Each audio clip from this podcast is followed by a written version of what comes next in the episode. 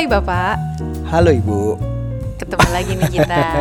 Iya kemarin minggu lalu kita keluarin uh, podcast banyak banget ya. Lagi produktif banget. Empat apa tiga seminggu. Yes. Sekarang kita mau keluarin 20 seminggu gimana? Boleh, boleh, boleh, boleh. Isinya cuma aku monolog sendiri aja gimana? Orang kan Boleh suka gak sih sih. kalau kayak gitu? Enggak lah ya. Aku Oke. aku sih sekarang lagi um, walaupun in general my life is happy but my football life is isn't gitu. Oh gitu. Ini ada ketawa nih sebelah nih. Jadi- Tapi ntar dulu kita kenalannya diem aja. Ini ini stage-nya milik aku dulu biarin Oke, aja. jadi Biarin football aja. ini yang bikin kamu kalau tengah malam itu keluar dari kamar. keluar dari kamar dan percuma. Tahu Kenapa? nggak buang dua jam untuk ngeliat tim yang mainnya kacrut banget. Oh gitu. Heeh, MU. Ini ketawa-tawa aja sebelah gua nih. Jadi kayak um, tamu kita kali ini kita tuh ngobrol um, di grup WhatsApp bola udah sekitar lima tahun, tujuh tahun, lumayan lama sambil main Fantasy League. Ya. Dia itu fans Liverpool, aku ini fans MU. Jadi kita tuh di grup tuh kerjanya tuh bulinya luar biasa brutal deh. Oh gitu. Soalnya jadi kita bu- mau ngomongin bola nih. Aku mau ngomongin aku suka bully-bulian sama dia. Jadi. Jadi kenalin di kita hari ini ada um, Fajar Anugrah, Mas Fajar, Halo. Selamat siang Mas Fajar. Selamat siang. senior saya. Harus ya. ya, kita, kita mulai dengan bully ya, tapi bully yang Ah. basically kita masih cukup um, apa ya, we're okay Civilized. about civilized. Karena bullynya dengan data, dengan yang lebih menyakitkan kadang-kadang. iya, iya, iya. Jadi uh, tapi alasan alasan Fajar ke sini gua kita undang adalah Ya. basically sih kan karena uh, walaupun kita uh, bully itu tapi kita juga udah cukup kenal baik ya. Ya. Jadi kita tahu satu sama lain. Mudah-mudahan cukup tahu um, challenge hidupnya, cukup tahu um, kurang lebihnya lah kira-kira, terutama kurang lebih timnya masing-masing, tim dukungannya. Karena selain di WhatsApp grup bola, kita juga punya WhatsApp grup masalah investasi. Masalah investasi, masalah masalah uh, dulu politik-politikan. politik-politikan. Pokoknya abang banyak banget. biasa. Kayaknya Fajar setidaknya ada enam deh. Iya, pokoknya co-working space Iya. segala macam tuh Fajar tuh banyak berperan di hidup kita juga Iya, iya, dan iya. sebaliknya gitu ya. Iya. Terus em, tapi em, hari hari ini akan cukup sensitif, warning buat para pendengar ini karena apa ya? Karena em, Fajar ini yang justru di antara eh, yang paling nggak gue admire adalah pilihan tim bolanya, tapi yang paling gue admire adalah dia sebagai bapak justru gitu. Jadi Oh. jadi jadi bawahnya adalah itu sejelek-jeleknya tim bola. yang posisinya sekarang jauh di atas tim Iya, bola. Ya, whatever, whatever. Tapi sebagai bapak itu kita udah pernah ketemu istri dan anaknya waktu itu di Bandung di juga. Terus um, can you tell us more? Mungkin akan lebih patut kalau yang cerita adalah dirimu dan kenapa kira-kira ya gak tahu lu tebak aja kenapa kira-kira gue mengidolize lo as a father gitu. Aduh, agak berat ya. Agak berat ya. Kita perlu Um, siapin tisu nggak Mas? Bawa kok gue. Bawa ya. Em, jadi eh, Aryo waktu itu minta gue, lo minta gue ke sini untuk berbagi cerita pengalaman gue sebagai orang tua karena anak gue berkebutuhan khusus. Ah, oke. Anak gue namanya Kai, eh, dia umurnya 10 tahun dan Kai ini termasuk anak di spektrum autism. Oke. Oke, spek. Nah, spektrum autism ini kan katanya banyak layernya ya Mas ya. betul. Nah, kalau boleh tahu Kai itu udah di atau ada di stage yang mana? Ya, eh, jadi seperti namanya spektrum artinya ada rentang Eh, dari yang fully functioning atau bisa berfungsi eh, di kegiatan sosial, kegiatan pendidikan sampai yang sulit untuk Oke. functioning. Ada berapa itu? Ada banyak layernya yo. Jadi bukan kayak level Oh, di bukan kayak game level, gitu, oke. tapi rentang yang bisa bergeser. Jadi Oh. ketika lo didiagnosa untuk satu level itu masih bisa dibantu uh, untuk bergerak ke level yang lebih bisa functioning, oke. betul.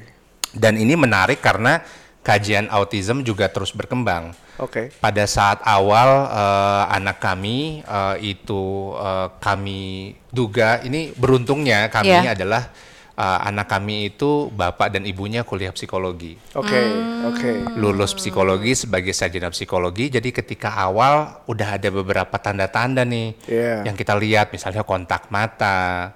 Awal tuh kira-kira umur Ah, Waktu jadi itu? kalau gue pribadi curiga usia 2 tahunan. usia 2 tahun. Iya, Oke. karena kontak mata, terus pola meniru kata-kata yang uh, layaknya ada pada saat anak usia 2 tahun itu nggak Iya, ada iya. gitu. Atau tidak terlihat. Lalu udah mulai curiga, tapi waktu itu ya biasalah namanya orang, Orang tua denial ya. punya harapan-harapan, Iya, terus iya, iya. ngebandingin juga gitu dengan eh, apa Anak lain. anak lain dan lingkungan juga bilang, oh enggak wajar kok Einstein aja baru ngomong usia 4 tahun, 6 Oke. tahun gitu. Oke, Itu yang ngomong pasti kenal baik sama Einstein ya. Kayaknya ya. mungkin atau baca biografinya. Mungkin. ah, Nah, ah. anyway, jadi masih ada harapan-harapan. Tapi pada saat usia tiga tahun tuh buat kami semakin uh, kelihatan gitu. Di tiga tahun. Iya, dan udah konsultasi juga dengan uh, dokter anak, gitu, dengan psikolog. Dan waktu itu diagnosa pertamanya istilahnya PDD NOS, PDD NOS. Apa itu singkatannya? Pervasive Developmental Disorder, not otherwise specified. Intinya ini gangguan tapi kita nggak tahu. Not otherwise Oke, specified. gue memang sampai nganga sih. Gimana, gimana? tapi didiagnosa Oke. tapi nggak tahu persisnya gitu Iya, kira-kira. gitu. Sampai uh, seiring dengan waktu, akhirnya uh, kami memutuskan udah terapi ke sana sini, udah konsultasi ke sana sini. Terus kita ngerasa nggak happy karena bapak dan ibunya mungkin belajar psikologi, jadi Iya merasa ada merasa, hmm ini kayaknya nggak kayak yang kita pelajarin, harusnya Oke. nggak kayak begini terapinya. Cuman what do we know waktu itu kami cuman sarjana psikologi yang secara pengetahuan juga belum cukup dalam Oke. tapi kami memilih, oke, daripada kita mempercayakan pendidikan anak kita, terapi anak kita, pengasuhan kita ke orang lain yang betul kita bayar, tapi Iya. kita juga nggak happy. Bagaimana kalau salah satu dari kami uh, fokus ke menjadi terapis utama Oke. bagi anak kami sendiri? Nah, tapi nih sebelum sebelum maju ke eh, terap menjadi terapis ini, sebelumnya ketika Mas Fajar ini kan udah kira-kira dua, umur 2 tahun, Kai umur 2 tahun udah agak tahu nih ya, ada feeling-feeling apalagi Ada orang tua ya. lah, iya. Kayak curiga, kok anak gue beda sama anak lain. Iya. Kadang kita aja nih ibu-ibu masih 6 bulan, kok anak gue eh, selera makannya dikit banget ya. Misalnya kayak Ya, gitu, kok ya, beda ya. ya orang lain tuh kan suka agak curiga-curiga gitu kan. Iya. Nah, apa yang Mas Fajar rasakan begitu tahu? Well, pas dua tahun kan nggak benar-benar tahu juga ya. Iya. Kita cuman ini kayaknya ada indikasi anaknya memang punya gangguan perkembangan, tapi bisa banyak hal. Ah, kami mengecek misalnya apakah pendengaran dia, apakah betul. penglihatan dia gitu. Ah, kalau ngomong apakah ada masalah di lidahnya, Lidahnya. gitu dan seterusnya. Ah, tapi kemudian sekitar usia mendekati tiga tahun itu kami makin yakin nih setelah konsultasi dengan banyak pihak indikasinya kayaknya salah satu spektrum aut- autistik. Karena nggak mau ada kontak mata gitu. Terus ketika mengerjakan sesuatu sangat fokus ke itu aja gitu. Ah, dipanggil juga nggak ngerespon. Terus ah, sulit mengulangi kata-kata yang sederhana padahal biasanya anak umur 3-4 tahun tuh udah ah, mengulangi kata-kata sederhana begitu yang disampaikan oleh orang tuanya atau lingkungannya gitu. Nah, di situ ini kayaknya memang ah, ada ah, salah satu indikasi untuk ah, dia di spektrum autistik gitu. Oke. Oke, tadi uh, abis itu setelah ya, um, karena berdasarkan psikologi, apa edukasi psikologi, terus udah gitu udah ke banyak orang juga, akhirnya salah satu dari Fajar dan istri itu akhirnya memutuskan untuk lebih dalam terjun ke bidang itu. Ya. Artinya apa tuh persisnya? Jadi kami sampai mengubah rencana hidup kami gitu. Em, kami memutuskan misalnya istri saya mendedikasikan waktunya untuk kuliah S2 untuk menjadi psikolog klinis anak yang memang spesialisasinya menangani anak-anak berkebutuhan khusus. Jadi ambil sekolah lagi S2 di bidang itu boleh betul, dibilang. betul. Dan itu eh, apa menjadi fokus utama kami selama sekitar 3-4 tahun. Eh, ketika mengambil keputusan itu berarti istri saya harus kuliah di Bandung bersama anak saya, tinggal bersama mertua saya, saya masih di Jakarta. Kerja di Jakarta. Betul. Jadi long distance lumayan lama tuh. Wow, Oh, that's that's a oke. sacrifice that I Iya, admire dua minggu sih. sekali ke Bandung. Dulu Iya. belum sebagus ini keretanya. Iya iya iya Iya, iya iya, iya. iya, iya. iya. Jadi eh, Bapak di Jakarta, Ibu di Bandung sambil kuliah sambil ngurus anak Yes. dan kuliahnya itu fokus ke bidang yang dibutuhkan Ya. oleh anaknya. Betul. Hasilnya gimana? Um, kan memang nggak boleh membanding-bandingkan langsung Iya. ya. Tapi Aha. kalau kami sih uh, berusaha melihat bahwa perkembangan Kai itu signifikan. Sekarang Kai usianya 10 tahun.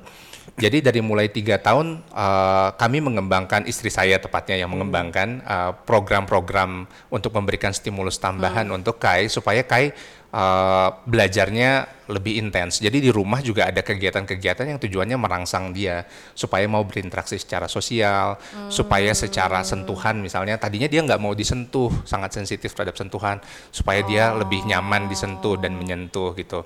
Nah karena Kayak waktu ketemu kita itu ya. ya Ah, ah, ah, ah. dia nggak nyaman juga kan dengan situasi baru gitu. Iya. Nah karena sangat intens karena ibunya belajar jadi psikolog dan akhirnya jadi psikolog klinis anak dan bapaknya juga belajar dari ibunya, jadi terapi kalau bisa dikatakan terapi yang Kai terima itu bukan hanya di tempat terapi atau di sekolah, tapi juga di rumah. Jadi hampir 24 jam.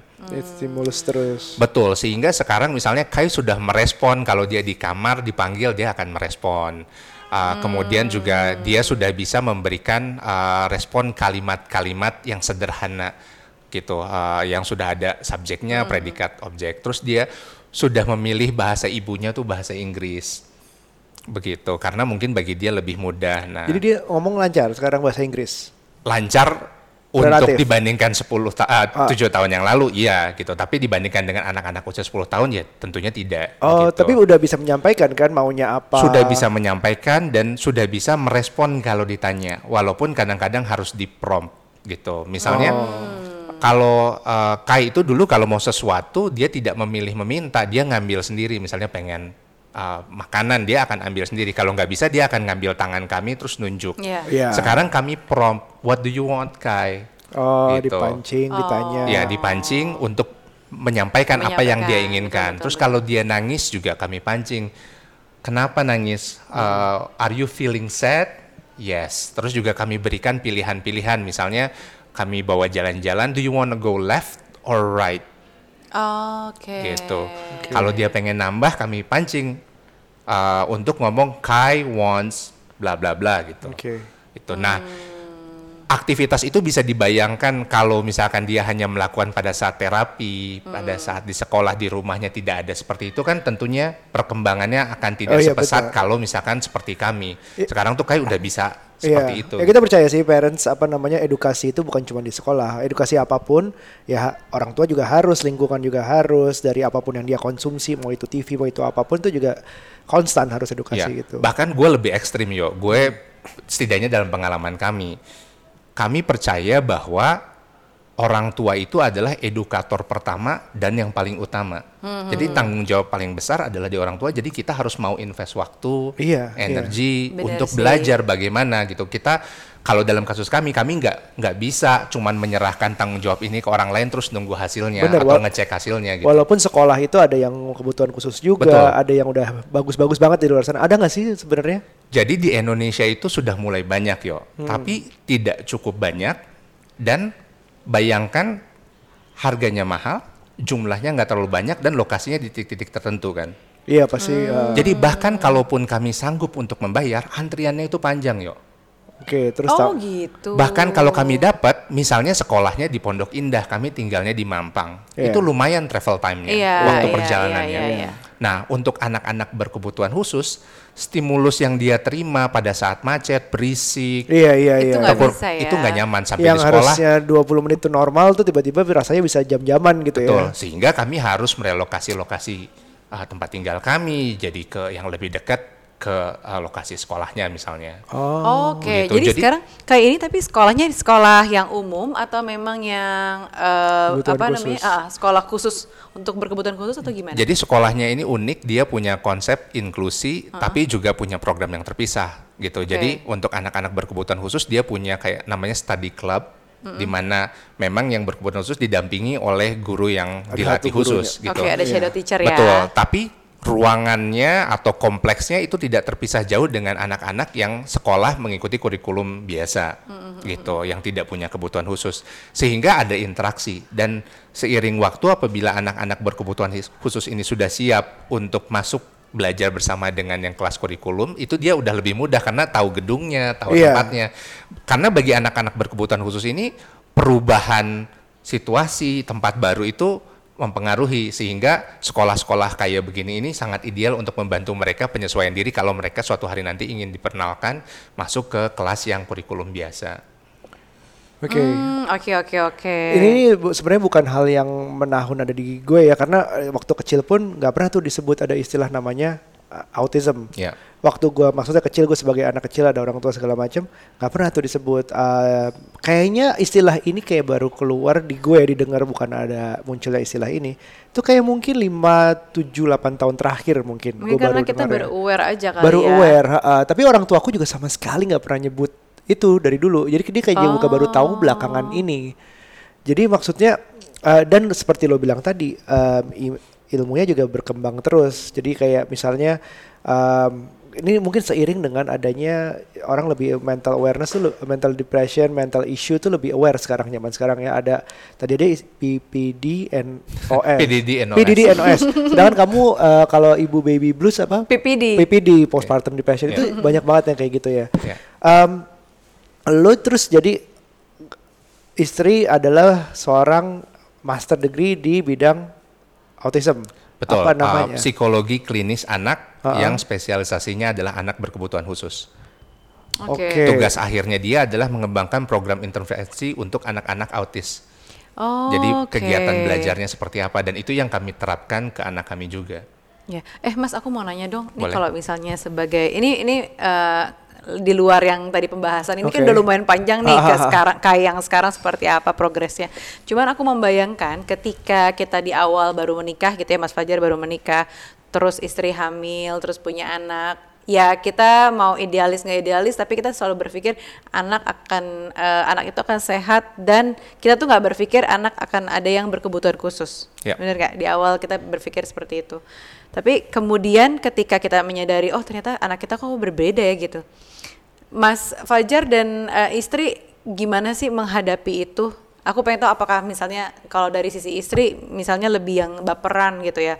Jadi lebih kayak harus berprosesnya lama banget. Sedih banget tuh tapi kayak lama banget. Dan habis itu misalnya ada proses kayak in denial. Sampai akhirnya baru mungkin untuk mencerna semua ini tuh kan butuh waktu ya nggak nggak mungkin nggak secepat itu kali ya dan abis itu memutuskan untuk ah gue nih harus kuliah master dan lain-lain dan Mas Fajar kita harus pisah dan lain-lain ya karena kan nggak gampang pasti untuk menerima seperti itu gitu Mas Fajar ceritanya seperti apa sih Ya, itu memang salah satu periode yang paling sulit di pernikahan kami ya. Eh, eh, gue mungkin nggak bisa membahas terlalu panjang dari sudut pandang istri gue, tapi Iya, dari iya. sudut pandang gue lah. Gue di pekerjaan gue banyak diapresiasi karena bisa membuat orang paham konsep-konsep sulit. Oke. Gue bis- diapresiasi karena gue bisa mengkomunikasikan hal-hal yang rumit jadi sederhana orang mengerti dan jadi tertarik untuk mengerjakan atau bisa Oke. belajar. Oke. Terus gue juga dulu di awal-awal karir gue banyak uh, bergerak uh, untuk mengajarkan orang bagaimana bercerita, menyampaikan informasi. Storytelling. Oke. Nah, sekarang kebayang nggak perasaan gue ketika gue bahkan nggak bisa buat anak gue untuk melakukan hal sederhana seperti uh, nutup Oh. pintu, Iya. matiin lampu. Untuk mengajarkan dia menutup pintu itu gue harus mengulang beberapa kali dengan nada yang berbeda, dengan cara yang berbeda dan harus konsisten. Terus setiap kali dia lupa nutup pintu harus diingetin. Setiap kali lupa nutup pintu diingetin Dan gitu. boleh marah.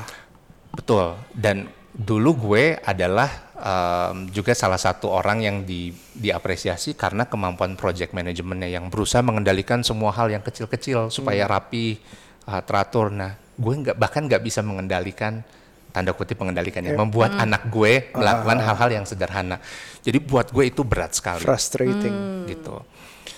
Tapi akhirnya setelah uh, menerima kondisi itu dan gue belajar dari istri gue yang memang mendalami ilmunya, ya belajar tentang mengulangi instruksi, membuat instruksi sederhana mungkin dengan cara yang semenyenangkan mungkin. Misalnya, gue sampai punya uh, apa narasi atau nada khusus untuk ngajak mandi Oh ya? gitu. Karena dia kan belajar banyak juga dari stimulus video ya. Jadi kalau ngajak mandi tuh it's time for mandi with daddy. Nah itu jadi cues yang Jadi kayak diulang-ulang gitu terus ya mukanya ekspresinya harus Betul. sama dan gitu. nadanya kayak begitu sehingga itu jadi cues yang konsisten buat dia sehingga dia langsung semangat untuk mandi. Oh, gitu. Nah Wow. hal-hal semacam itu membuat gue di tempat kerja juga jadi lebih sabar Oke, benar sih. Dulu gue gampang banget frustrasi kalau orang harus dikasih instruksi sampai tiga kali. Dan gue marahnya bukan karena orang ini bodoh, tapi apakah gue nggak cukup jelas ya sampai harus instruksi tiga kali. Iya, iya, iya. Tapi begitu dikasih tanggung jawab untuk mengasuh anak yang punya kebutuhan khusus, anak gue sendiri, ya gue kan Ah. jadi belajar sabar. Iya, gitu. terus lo langsung ingat anak, jadi betul, langsung betul. Oke, berarti gue harus cari cara lain atau harus gue lebih konsisten mengulangi instruksinya gitu. Iya, Jadi uh, menurut istri gue sih sekarang gue lebih sabar. Dulu gue gampang banget frustrasi. Dude, gitu. oh, gue sih mikirnya um, menikah aja udah proses pembelajaran untuk sabar naik level. Iya. Punya anak aja udah lebih naik level lagi. Terus punya anak kebutuhan khusus, I admire you man sebenarnya sih. Kayak Kesabarannya kesabarannya levelnya di atas Iya. kita jauh banget. I still have a lot to work Ya, you on. still ya. support Liverpool itu aja udah membuktikan. Justru mungkin gara-gara Liverpool juga gue jadi belajar sabar. Berapa puluh tahun sampai menang trofi pertama? Bener. tahun ini, tahun ini gue doain ya, tahun ini. Tapi Champions League man.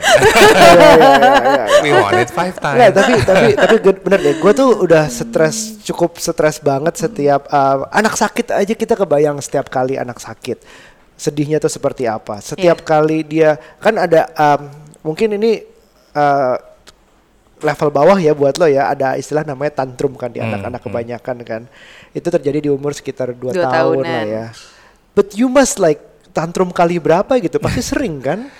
Ada, Uh, bukan sering, adalah momennya. Iya. Dulu awal-awal cukup parah yo, karena bayangkan kalau anak tantrum itu eh, yang tidak punya kebutuhan khusus, dia tantrum kan karena dia punya sesuatu yang dia inginkan atau dia rasakan nggak bisa dikomunikasikan. dikomunikasikan. Iya. Betul. Bayangin anak autistik yang memang secara, terutama anak gue misalnya, itu memang sulit berkomunikasi. Ah, ah, ah. Itu sulit sekali dan dulu kecenderungannya kayak tantrum di awal-awal itu menyakiti diri sendiri. Oh iya. Iya, sehingga Oh kami God. sampai menemukan cara supaya dia mengurangi eh, apa Iya, lo pernah lo pernah cerita tuh sampai harus dibekap harus kalau Iya. misalnya tantrum itu butuh lo, Betul. istri tuh kayak kurang kuat untuk megangnya secara fisik betul, gitu. betul. Gitu. Terus Mas, istri lo bagaimana ketika itu harus long distance? Itu kan pilihan ya, berarti Mas Fajar tetap di Jakarta, istri dan anak di Bandung, itu kan harus kuliah. Tapi gimana? Kan nggak gampang ya, maksudnya untuk eh, sambil kuliah, sambil juga mengasuh Kai gitu. Terus misalnya ketika dia mungkin lagi tantrumnya lagi keluar atau ada hal-hal tertentu, itu gimana? Lo suka nanya nggak? Kamu hari ini gimana kabarnya gitu? Stres nggak sih? Atau Iya. misalnya Jadi em, satu gue bersyukurnya em, istri itu lebih tough dari gue. Em, jadi kalau tadi pakai istilah lo baper-baperan, mungkin gue yang paling baper masalah semua ini ya. Istri gue lebih tough gitu. Oh iya. Tap- dia juga merasakan, tapi juga gue sih. ekspresinya dan cara menanganinya mungkin beda. Yang kedua uh, support system. Uh, kami waktu itu Kai dan uh, uh, Telly istri gue itu tinggal di rumah mertua dan mereka membantu gitu. Dan kuliah S2 juga kan tidak kayak kuliah S1 yang jadwalnya Setiap hari Padat ya. setiap hari ya. gitu. Ah. Dan uh, dosen-dosen uh, Telly sudah tahu bahwa dia kuliah alasannya kenapa, sehingga kadang-kadang juga memberi keringanan keleluasaan gitu. Dan teman-teman kuliahnya juga kadang-kadang bersedia jadi surrogate mother gitu. Kalau dibawa diajak karena nggak bisa ditinggal di rumah karena mertua gue sakit atau apa, diajak ada yang ngasuh banyak nih. Oh. Antara ngasuh atau jadiin anak gue eksperimen ya tipis-tipis gitu ya. tapi, tapi Ada psikolog semua. iya. Tapi prinsipnya ada yang ngebantu. Jadi Iya, iya. it takes a village to raise a child, apalagi sp- special, Special needs, needs. children Iya, gitu. iya, Jadi iya, kami iya. bersyukur bahwa bukan hanya kaminya juga punya eh, apa niat yang kuat dan kesungguhan hati, tapi juga banyak orang di luar sana di lingkungan terdekat kami yang membantu. Oke. Wow, support system tuh juga penting sih. Penting Memang banget. Penting banget. Kalau dalam relationship seperti apa sih Mas Fajar eh, ketika sama-sama ini kan jadi teamwork banget nih untuk sama Mbak Teli ya untuk membesarkan Kai. Eh, pernah nggak sih saling menyalahkan misalnya di awal gitu atau misalnya kayak pada saat berjauhan ya lu sih lagi jauh Nggak di ada, Jakarta nih eh. misalnya gitu kan adalah misalnya tiba-tiba snap atau ya adalah kesel-keselnya mungkin atau apa gitu kan nggak gampang gitu ya masih dalam in terms of relationship ya berdua kita aja mungkin punya anak dua jarak deket kadang ya masih ada berantemnya gitu loh Iya, iya, iya. gitu Mas Fajar gimana? Dulu gue pernah ada fase nyalahin istri karena istri tuh ngerasa enggak kok. Pertama ini enggak masalah, yang kedua dia pengen ngurusin semuanya sendiri. Karena istri diasuh dengan ibu yang lebih ngerti. Jadi jangan dikasih ke orang tanda kutip, jangan dipercayakan ke orang. Oh ya ya ya. Itu padahal uh, gue tipe yang enggak kita harus libatin orang Ada lain, experts, betul. ya. Kita harus ini. Nah, itu ada fase gue menyalahkan. Tapi eventually posisi istri juga benar dalam artian yaitu akhirnya mungkin lebih baik ibunya aja sekalian belajar jadi psikolog klinis anak begitu. Tapi itu jalan tengah yang benar sih. Maksudnya iya, iya, ada benar, experts, ada ibu sendiri. Kenapa nggak ibunya juga jadi experts? It's it's a, it's a Iya. solution. Um, terus juga kalau tentang uh, long distance kayaknya yang masalah gue ya dia tipe yang gue justru khawatir kalau gue tinggalin lama dia nggak ngerasa gue ada gitu saking mandirinya istri gue gitu Kita berdua came from a broken relation, apa long distance relationship. Iya. Dua gagal long distance Iya, gitu. Iya. tapi gue uh, waktu itu bikin aturan dua minggu sekali setidaknya uh, uh, Iya. pulang gitu dan ketemu dan yang paling penting kan bukan uh, sama telinya tapi sama kainya karena dia butuh figur juga ayah. Betul, betul. Gitu waktu itu selama long distance figur ayahnya uh, adalah kakaknya Teli gitu. Jadi sering diajak naik motor bareng segala macam. Hmm. Nah lalu ketika uh, Teli lulus kuliah balik lagi ke Jakarta, gue lagi figur ayahnya dan menurut Teli uh, gue rada GR sedikit sejak tinggal bareng dia lebih cepat juga belajarnya dalam hal ngerapihin karena ada ada role model ada yang Iya, dicontoh iya. gitu ngerapihin sepatu Ya, misalnya it- hal sederhana It's his flesh and blood udah pastilah Iya, ada iya. lebihnya lah. Oh, Ya. Oke, gitu ya. Mas Fajar, kalau misalnya dari semua nih dari tahu Kai di usia tiga tahun itu kan udah mulai intervensi pertama ya di tiga tahunan sampai sekarang Kai umur 10 tahun. Dari masa-masa itu menurut eh, Mas Fajar yang paling terberat itu ada nggak? Misalnya ketika dia lagi tantrum banget nih, misalnya di mall atau di mana, atau ada hal yang paling menurut Mas Fajar apa ya paling challenging ada nggak? Menurut gue eh, yang lalu udah lewat. Yang kami merasa challenging adalah yang ke depan. Oh, Oke. Pada saat di mana nanti Kai sudah tidak banyak lagi terpengaruh oleh orang tua atau dia punya kebutuhan untuk lebih ngelihat dari lingkungan sosialnya.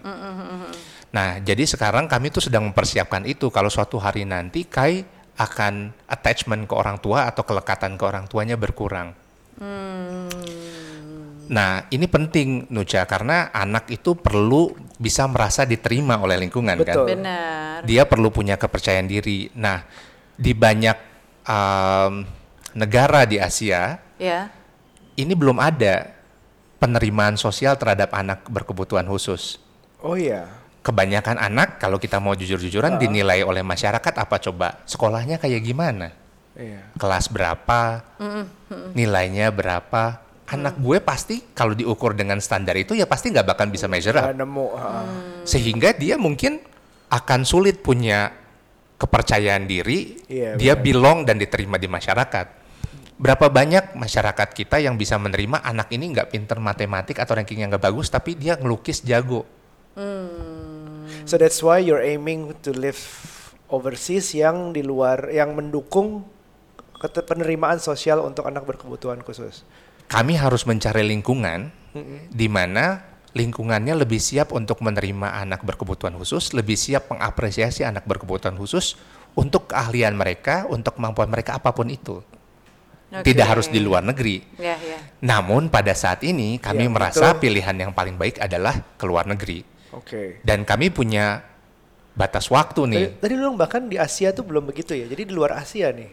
Sekarang coba kita bandingkan. Menurut Nucha sama Aryo, negara di Asia yang paling canggih pendidikannya apa? Di mana negara mana? Jepang kali. Jepang. Jepang. Di Jepang itu jumlah sekolah berkebu- anak berkebutuhan khusus itu juga nggak sebanyak itu. Yang kedua, budaya sosial Jepang apa yo? Individu sih mereka ya banyak. Banyak masih um, Prestasi kan? prestasi. Prestasi. ha. Ingat nggak kasus yang banyak bunuh diri Banyak karena bunuh Iya. diri karena nyentuh. ujian yang nggak Singapura berhasil. juga kerasa tuh. Nah, what are the odds untuk Iya, anak iya, iya, kayak benar Kai, juga. anak gue, anak-anak seperti Kai itu bisa diterima secara sosial betul juga. gitu. Jadi Betul juga. mungkin bisa, mungkin enggak. Iya, Tapi iya. kalau kita melihat dari ice top of the icebergnya kan banyak kasus orang yang Iya, tidak iya. kebutuhan saja bunuh diri Benar. karena merasa Iya, nggak berhasil benar, gitu. Benar. Benar. benar, benar. Oke, sebenarnya by studies itu uh, tadi kan ngomongin masa depan dan ngomongin di luar ya. Um, by studies masa depannya yang berkebutuhan khusus itu seperti apa sih? Misalnya kalau udah gede, Jadi yang paling penting biasanya adalah sebisa mungkin kita membuat anak-anak ini mandiri. oke, Artinya tidak merepotkan banyak orang. Ha, ha, ha. hidup sendiri bisa ya. Eh, atau minimum support. Minimum oh, support. minimum support. Ya, ya, ya. Atau lebih minim lagi mereka tidak menempatkan dirinya dalam situasi yang bisa membahayakan mereka. Oke. Itu yang lebih minim lagi.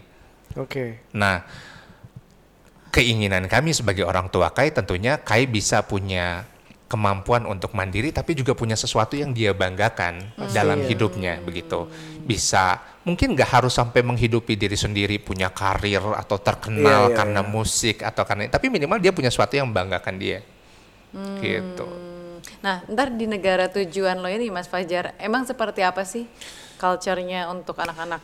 Jadi gue tuh sampai uh, Nucha sejak 3-4 tahun yang lalu berpikir gue harus nyari kerjaan yang memungkinkan gue untuk menemukan lingkungan yang tepat ini untuk anak gue. Nah, uh, gue sampai melakukan riset negara-negara mana yang secara lingkungan sosial bisa menerima anak-anak Oke. seperti Kai. Karakteristiknya seperti apa tuh? Ya misalnya selain punya sistem pendidikan yang lebih uh, Menerima. menerima, mengakomodir anak-anak yang berkebutuhan khusus, fokusnya bukan prestasi, Iya, iya, iya. gitu ya. Tapi juga masyarakatnya secara umum lebih terbuka pada orang-orang yang punya talenta yang berbeda, Ah, pada anak-anak yang punya bakat unik. Oke. Jadi fokusnya di bakat, di interest, di kompetensi yang tidak melulu akademik. betul betul. Negara-negara yang punya jenis-jenis pekerjaan yang kita anggap mungkin tidak lazim. Ah, Negara-negara yang punya sistem dukungan sosial yang bisa mendukung orang-orang yang punya uh, kebutuhan khusus atau punya uh, gangguan-gangguan tertentu, mereka melindungi hak-hak uh, Hukumnya ya, Betul, ada. betul, Oke, betul. oke, oke, oke. Nah, nggak banyak yang seperti itu. Oh gitu. Nah, tempat kerja gue sebelumnya itu gue happy banget karena gue bagian dari perusahaan itu, punya Iya, iya. saham di sana, gue punya peran penting, gue create impact.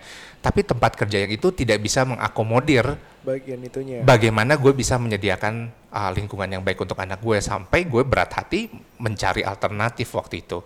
Pertamanya, oh gue mungkin harus sekolah PhD di negara lain sehingga gue bisa bawa anak gue ke negara tersebut minimal 4-5 tahun untuk dia sampai bisa mengembangkan keterampilan, merasa diterima dan seterusnya. Mungkin nanti lo cari kerja di sana gitu tadinya ya. Ya, tapi ya mungkin ini jadi jalan rezeki gue tahun lalu gue ketika nanya-nanya untuk wawancara PhD malah ditawari pekerjaan di sebuah lembaga.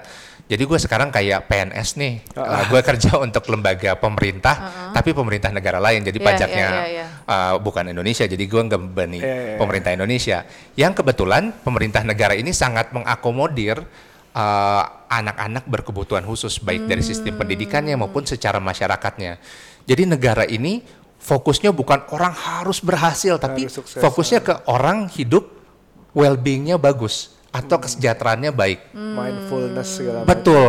Bayangin mereka sampai punya anggaran khusus di pemerintahannya untuk mengurusi orang-orang yang punya gangguan mental. Oh wow. Ada Untuk- anggarannya. Wow. Ada anggaran khusus dan anggarannya punya KPI yang jelas bagaimana masyarakat anggota masyarakat mereka bukan cuma warga negara ya, tapi yang tinggal di situ yang punya masalah-masalah eh, eh, mental itu bisa dibantu untuk bisa eh, mandiri, bisa berintegrasi secara sosial, punya peran di masyarakat. menarik. Nah, negara ini menurut gue salah satu opsi gitu. Hmm. Nah, gue juga belum bisa menjamin bahwa gue kerja di pemerintah negara ini walaupun gue masih di Jakarta, uh, base-nya, Hmm. tugasnya akan bisa jadi tempat ideal. Tapi kan ini salah satu cara. Ya, Jadi bisa. gue bahkan pilihan karir gue gue sesuaikan Oke. untuk bisa mengakomodir Wow. fase-fase challenging, fase menantang di 2-3 tahun lagi kalau anak gue butuh Iya, ada iya, di lingkungan iya. yang seperti itu. Talking Menarik. about sacrifice ya bu ya. Iya, iya, iya, iya. Oke, That- jadi gini Mas, uh, kalau misalnya Mas Fajar tadi kan dan istri menyesuaikan dengan kebutuhan anak gitu, mengubah uh, target yang mungkin tadinya tuh A, terus jadi uh, ya change of plan ke B gitu ya dengan kondisi yang sekarang. Uh, dan beruntungnya Mas uh, Fajar bisa apply apa namanya PhD yang kemudian jadi kerjaan di negara tersebut yang memang melindungi hak-hak buat uh, Kai gitu kan. Nah, tapi buat teman-teman lain nih yang parents juga yang udah jadi orang tua dengan anak-anak berkebutuhan khusus, kira-kira pesan dari Mas Fajar seperti apa sih? Apakah mereka juga harus apply di negara yang sama? Jadi mungkin Atau gimana? salah satu uh, saran saya yang paling utama adalah early diagnose. Jadi sejak awal beranikan diri, ikhlaskan untuk berkonsultasi ke tenaga medis, ke ahli yang memang mengerti. Jadi jangan cuma nanya ke temen, nanya ke orang tua, Iya, iya. which is perlu karena itu support system kita. Tapi jangan berhenti di situ, betul-betul cari uh, saran dari orang yang memang mengerti, yang pendidikannya, yang keahliannya memang di bidang ini. Oke. Karena diagnosa awal ini akan membuat kita bisa memberikan bantuan sedini mungkin kalau memang anak kita ternyata punya kebutuhan khusus. Karena Oke. lebih awal didiagnosa, berarti lebih awal kita bisa bantu dia sehingga harapan untuk dia bisa segera belajar, kita bantu untuk mengatasi kebutuhan khususnya atau mengakomodir kebutuhan khususnya itu lebih baik. Oke. early diagnose. Ada lagi yang bisa di itu atau mungkin apa ya? gue juga worried kalau misalnya masalah yang kuat di eh, yang masalah yang besar di suatu keluarga itu juga relate ke hubungan suami istrinya juga challenging jadinya gitu. Padahal mungkin kalau nggak ada masalah itu they're fine, tapi tiba-tiba dites oleh masalah itu bisa tergoda apa tergoncang lah gitu. Ya. Ada buat relationshipnya ada tipsnya nggak ada? Ya, eh, menurut gue penting untuk punya me time tapi juga our time, we time gitu ya. Oke. Jadi saling menguatkan, nggak menyalahkan gitu bahwa we're in this together and we're doing this not for our ego. Karena memang bukan salah siapa-siapa kan itu. Sampai sekarang tidak ada penelitian yang konklusif itu masalahnya apa? Iya. Entah di pass down dari genetiknya siapa Iya, itu atau nggak ada makannya ya. itu belum ada penelitian yang konklusif. Jadi stop it. Jadi blaming game tuh udah nggak ada. Nah, kita harus fokus apa yang harus kita lakukan untuk membantu anak kita Iya, sebaik mungkin. Iya. Bahwa ini mungkin tanggung jawab kita sebagai orang tua dan tanggung jawab bersama. Gitu. Dan seperti yang gue lihat juga uh, kegigihan atau misalnya yang lu selalu lakuin selama ini itu juga pasti along the way akan terbantu entah gimana caranya. Kayak misalnya lo ada support system yang cukup oke kayak akhirnya lo pe- pekerjaannya akhirnya mendukung ke arah sana yang tadinya cuma ngelamar PhD terus akhirnya malah ditawarin Betul, suatu pekerjaan. It's something that um, kalau gue bilang sih ini gue percaya nggak percaya adalah menurut gue adalah itu jawaban dari dari usaha lo gitu. Mungkin nggak specifically lo minta itu gue mau dong kayak gini tapi lo mengharap itu dalam hati terus ada sesuatu ya it just happen gitu karena usaha-usaha yang udah dilakuin Ya gue sih selalu percaya ketika ada niat, usaha tuh akan jadi kayak ngikutin niatnya. Atau kalau bahasa-bahasa motivational itu find your true north gitu. Oke. Lo apa tujuan lo? Nah gue mungkin juga sejak awal gue udah rada-rada punya true north gue adalah gue selalu pengen ngebantu orang menemukan potensi mereka atau mengoptimalkan potensi mereka. Nah kebetulan ini Dan anak gue juga perlu betul. paling itu. Ini kan the ultimate goal kalau gue bisa banget. betul, bisa Iya, mengoptimalkan benar, potensi anak gue ya ini adalah tugas utama gue gitu. Wow Dan sekarang gue ngomong kesannya tenang, tapi ada momen-momen gue marah-marah, nangis-nangis, stres. Gue dulu pernah gue nggak kebayang tuh broke down, yo, ketika gue abis pulang jalan sama temen kantor gue. Terus ada salah satu teman kantor nonton bareng biasa. Terus ada teman kantor gue nanya, lo kok nggak pernah ngajak istri lo sih nonton bareng? Terus gue sampai nangis di saat itu di mobil itu dan sampai agak marah juga. Lo pikir kami nggak pengen, tapi harus ada yang gantian gitu.